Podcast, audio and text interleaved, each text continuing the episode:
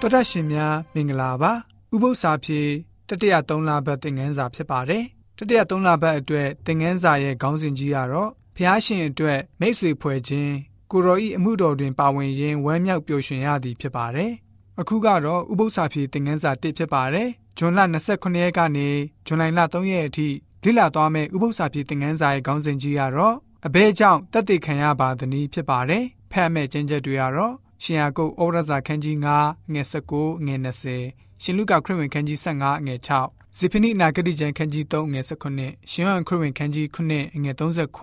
ငွေ38တိမောသေဩရစာပထမဆောင်ခန်းကြီး2ငွေ3နဲ့4ကောရိန္သုဩရစာဒုတိယဆောင်ခန်းကြီး9ငွေ14 15တို့ဖြစ်ပါတယ်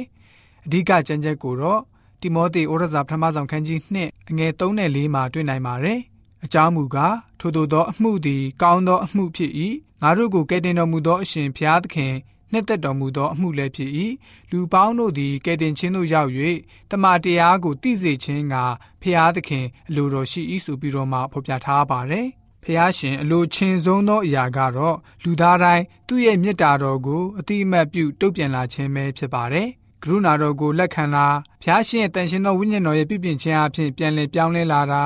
ပြီးတော့ နိုင်ငံတော်ကိုဝင်စားခွင့်ရရှိနိုင်ခြင်းတွေပဲဖြစ်ပါတယ်ကျွန်တော်တို့ရဲ့ကယ်တင်ခြင်းကိစ္စအပြင်ဖျားရှင်ဆိုလို့ရှိရင်တခြားအရာတွေကိုပို့ပြီးတော့အလေးမထားပါဘူးဖျားရှင်မေတ္တာတော်ဟာစီးခြားထားမှုမရှိပါဘူးဖျားရှင်ကရုဏာတော်ဟာအလျားအနှံအမြင့်တိုင်းတာခြင်းမပြုနိုင်ပါဘူးဖျားရှင်တနာခြင်းကရုဏာတော်ဟာအဆုံးဆိုတာမရှိပါဘူးဖျားရှင်ရဲ့ခွင့်လွှတ်ခြင်းဟာ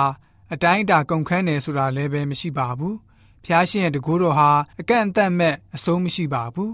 နိုင်ရှင်ချက်ပြုရမယ်ဆိုရင်တော့ဖန်ဆင်းရှင်ကိုမသိတဲ့သူတွေကိုးကွယ်တဲ့နှက်တွေဖျားတွေဟာပူဇော်ခြင်းကိုတောင်းဆိုကြပါတယ်။ဖျားရှင်ကတော့ပူဇော်ခြင်းအမှုကိုကိုယ်တိုင်ပြုတော်မူတာဖြစ်ပါတယ်။မိမိရဲ့ကိုယ်ကိုပူဇော်ခဲ့ပါတယ်။ကျွန်တော်တို့ကယ်တင်ခြင်းရရှိဖို့အသာငန်းငန်းတောင်းတဖို့မလိုဘဲနဲ့ဖျားရှင်ဘက်ကနေအလွန်ပေးချင်နေတဲ့ဖြစ်ကြောင်းကိုသိဖို့ဖြစ်ပါတယ်။ကျွန်တော်တို့အားလုံးအတွက်ဖျားရှင်ရဲ့နှလုံးသားထဲမှာဆိုရင်ကျွန်တော်တို့ကိုကယ်တင်ခြင်းရရှိစေလိုတဲ့တောင်းတတဲ့စိတ်ဓာတ်ရှိနေပါတယ်။ တတ်သိခံတဲ့သူတွေဟာယေရှုရှင်အကြောင်းကိုသာပြောနေကြပါတယ်။ဖျားရှင်ဟာကျွန်တော်တို့အတွက်ကယ်တင်ခြင်းဘယ်လိုမျိုးလှုပ်ဆောင်ခဲ့တယ်ပြီးတော့ကျွန်တော်တို့ရဲ့အသက်တာကိုဘယ်လိုမျိုးပြောင်းလဲပေးခဲ့တယ်လဲပြီးတော့ဖျားရှင်နှုတ်ကပတ်တော်ဟာဘလောက်အံ့ဩဖွယ်ဖြစ်တယ်လဲပြီးတော့နှုတ်ကပတ်တော်ကိုဖတ်ရှိုံနဲ့ဖျားရှင်ဟာဘယ်သူဖြစ်တဲ့အကြောင်းပြီးတော့ဘယ်လိုမျိုးသောစရိတပိုင်ရှင်မျိုးဖြစ်ကြောင်းကိုကျွန်တော်တို့အနေနဲ့လှပစွာတွေ့မြင်ခံစားကြရပါတယ်။ ဖျားရှင်ကရုဏာတော်နဲ့မေတ္တာတော်တကူကိုနားလည်ခွင့်ရတဲ့အချိန်မှာကျွန်တော်တို့ဟာဘလို့မှ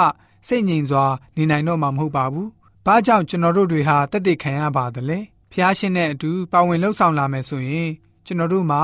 ပျော်ရွှင်ဝမ်းမြောက်မှုအတိကိုရစေတဲ့လူအများရဲ့ရွေးနှုတ်ခံရခြင်းကိုဖျားရှင်ရဲ့ကရုဏာတော်မေတ္တာတော်ကြောင့်ပြောင်းလဲသွားတဲ့မြင်ကွင်းကိုမြင်တွေ့ကြရတဲ့အတွက်ကြောင့်တသက်ခံရတာဖြစ်ပါတယ်ဆိုပြီးတော့ဥပုံနဲ့ဥပု္ပ္ပစာဖြစ်တဲ့ငန်းစာက ဖော်ပြပေးထားပါတယ်။